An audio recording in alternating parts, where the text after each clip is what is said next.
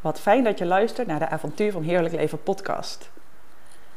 Wil je de reis van je ziel met me maken of met me op retreat? Kijk op hannekemegens.nl.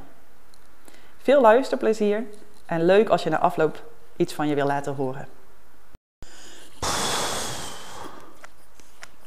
Grote verandering, grote verandering doet pijn. Echt eerlijk zijn doet ook pijn. Het vraagt echt iets van je. En dat is niet altijd leuk, dus het is soms makkelijker om erbij uit de weg te gaan. Of het nog uit te stellen om de waarheid uit te spreken en je allerlei redenen aan te laten praten waarom het niet de waarheid is. Of te denken dat je het moet begrijpen. Maar je lichaam weet het wel, je lichaam liegt niet. En juist die gesprekken ook aangaan en daarin bij jezelf blijven. Ik denk dat dat een hele grote kunst en les is in ons leven.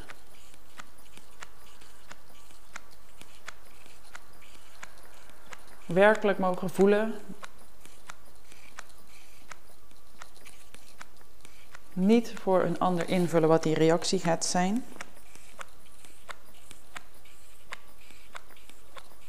Ja, en daarin zit ook groei.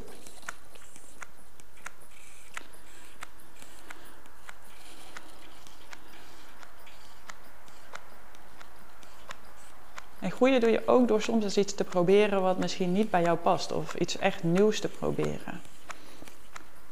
Vanochtend op het schoolplein had ik een mooi gesprek met een moeder. Zij geeft trainingen in uh, op een positieve manier vragen, uh, vragend onderzoeken. En je eigen perspectief daarbij aan de kant te zetten. Wow, zei ik, dat is moeilijk, je eigen perspectief aan de kant zetten. En we hebben vaak ook zo'n eigen ja, denkkader. Als iemand iets zegt dat je meteen invult alsof je iemand begrijpt. Maar hoe vaak begrijpen we iemand nou echt? Hoe vaak weten we bij een uiterlijk al, hebben we al een inschatting gemaakt van, oh, die persoon is zo en zo. Heel vaak. Ik las ook iets moois vanochtend. Bij een verpleegkundige, denk je aan een man of een vrouw? Bij een CEO, denk je aan een man of een vrouw? Misschien hoor je trouwens mij uh, kolven op de achtergrond, want dat doe ik ondertussen.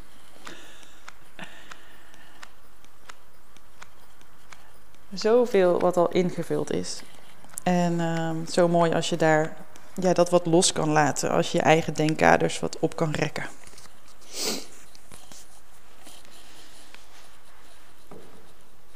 En we willen heel veel, we willen allemaal wel groeien, maar we willen niet altijd die dat oncomfortabele gevoel wat daarbij hoort. En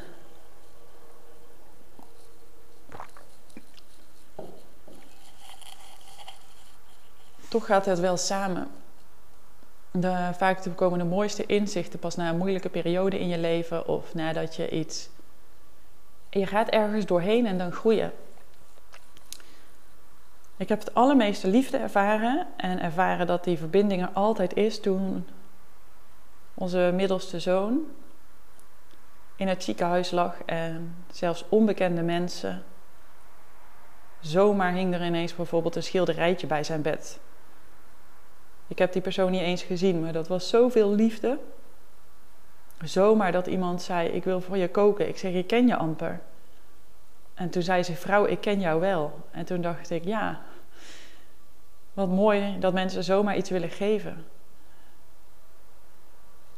Dat je ook onzichtbaar gedragen wordt.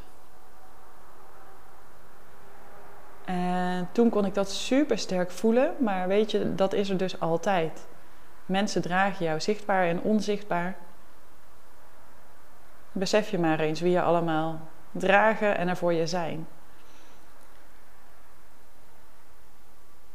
En ook wat zo'n moeilijke periode je dus kan brengen. En ook wat jezelf uitspreken je kan brengen. Je kan de waarheid wel verkroppen of voor jezelf houden, maar dan verlogen je jezelf. En liever de ander kwijtraken, liever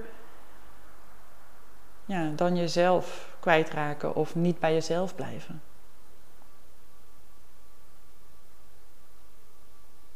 En weet ook waar jij ergens nee voelt en nee zegt, dat er weer ruimte ontstaat voor nieuwe dingen. die dan dus beter bij je passen als je heel zuiver en eerlijk bij jezelf blijft. Weet ook dat die ander misschien vragen gaat stellen die ongemakkelijk voor je zijn.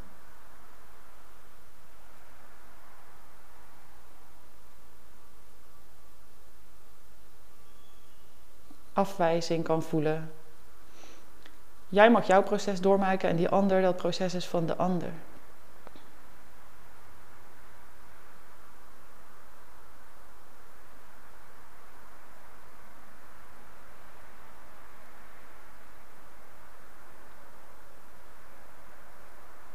de reis van je ziel, die kun je met me maken. En dat gaat hier ook over. Echt durven volgen van hart en ziel. Bezield leven. Leiderschap nemen over je eigen leven.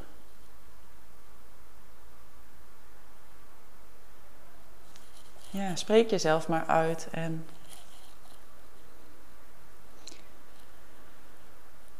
durf echt te voelen het helemaal toe te laten. Je hoeft het niet altijd te snappen. Je mag dat gevoel volgen, dat is net zo relevant als het begrijpen. En ik las in het boek De Maskermaker iets prachtigs: dat de Aboriginals gewoon nog onder de woestijn kunnen voelen of ergens een bron van water zit. Kan je niet zien, maar zij hebben nog, zijn nog zo in contact met dus grotere energie, zou ik het zo noemen. Ja. Dat ze dat nog kunnen voelen. En bij ons wordt het dan een beetje afgedaan alsof dat niet meer kan of de waarheid is. Als je als kind dingen opmerkt of praat met mensen die er niet zijn, ja, dan word je toch een beetje belachelijk gemaakt. Of dan vinden volwassenen dat ongemakkelijk. Maar is het dan dus niet de waarheid of is het, mag het er dan gewoon niet zijn omdat dat niet de norm is? Nog een mooi voorbeeld uit dat boek. Helaas staat daar niet de bron bij, maar dat waren Eskimo's en die vlogen naar Amerika. En toen zei de piloot: uh, We have arrived at the United States of America. En zij konden voelen dat zij wel gearriveerd waren, maar dat hun ziel nog niet meegereisd was.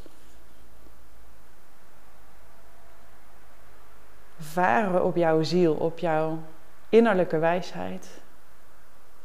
Dat gun ik je enorm, want dan wordt het leven vol. Dan leef je vanuit vertrouwen, vanuit een rust, een dieper weten. En als je heel dicht bij jezelf blijft, dan heb je zo, ervaar je zoveel meer plezier, veel meer voldoening. En als je die reis met me wil maken, dan Laat van je horen. Je mag me een mail sturen. Ik kan ook een afspraak plannen in mijn agenda via de website.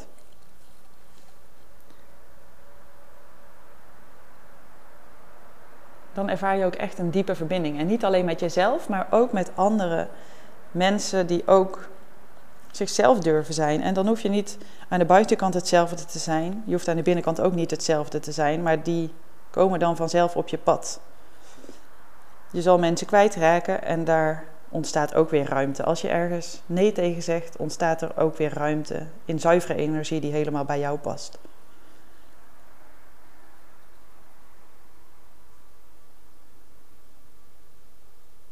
Als je deze podcast luistert, vind ik het heel gaaf als je wil laten horen wat jij eruit meeneemt. En fijn als je een beoordeling achter wil laten van de podcast, zodat die meer gevonden kan worden. Dankjewel voor het luisteren. En ik hoor graag van je.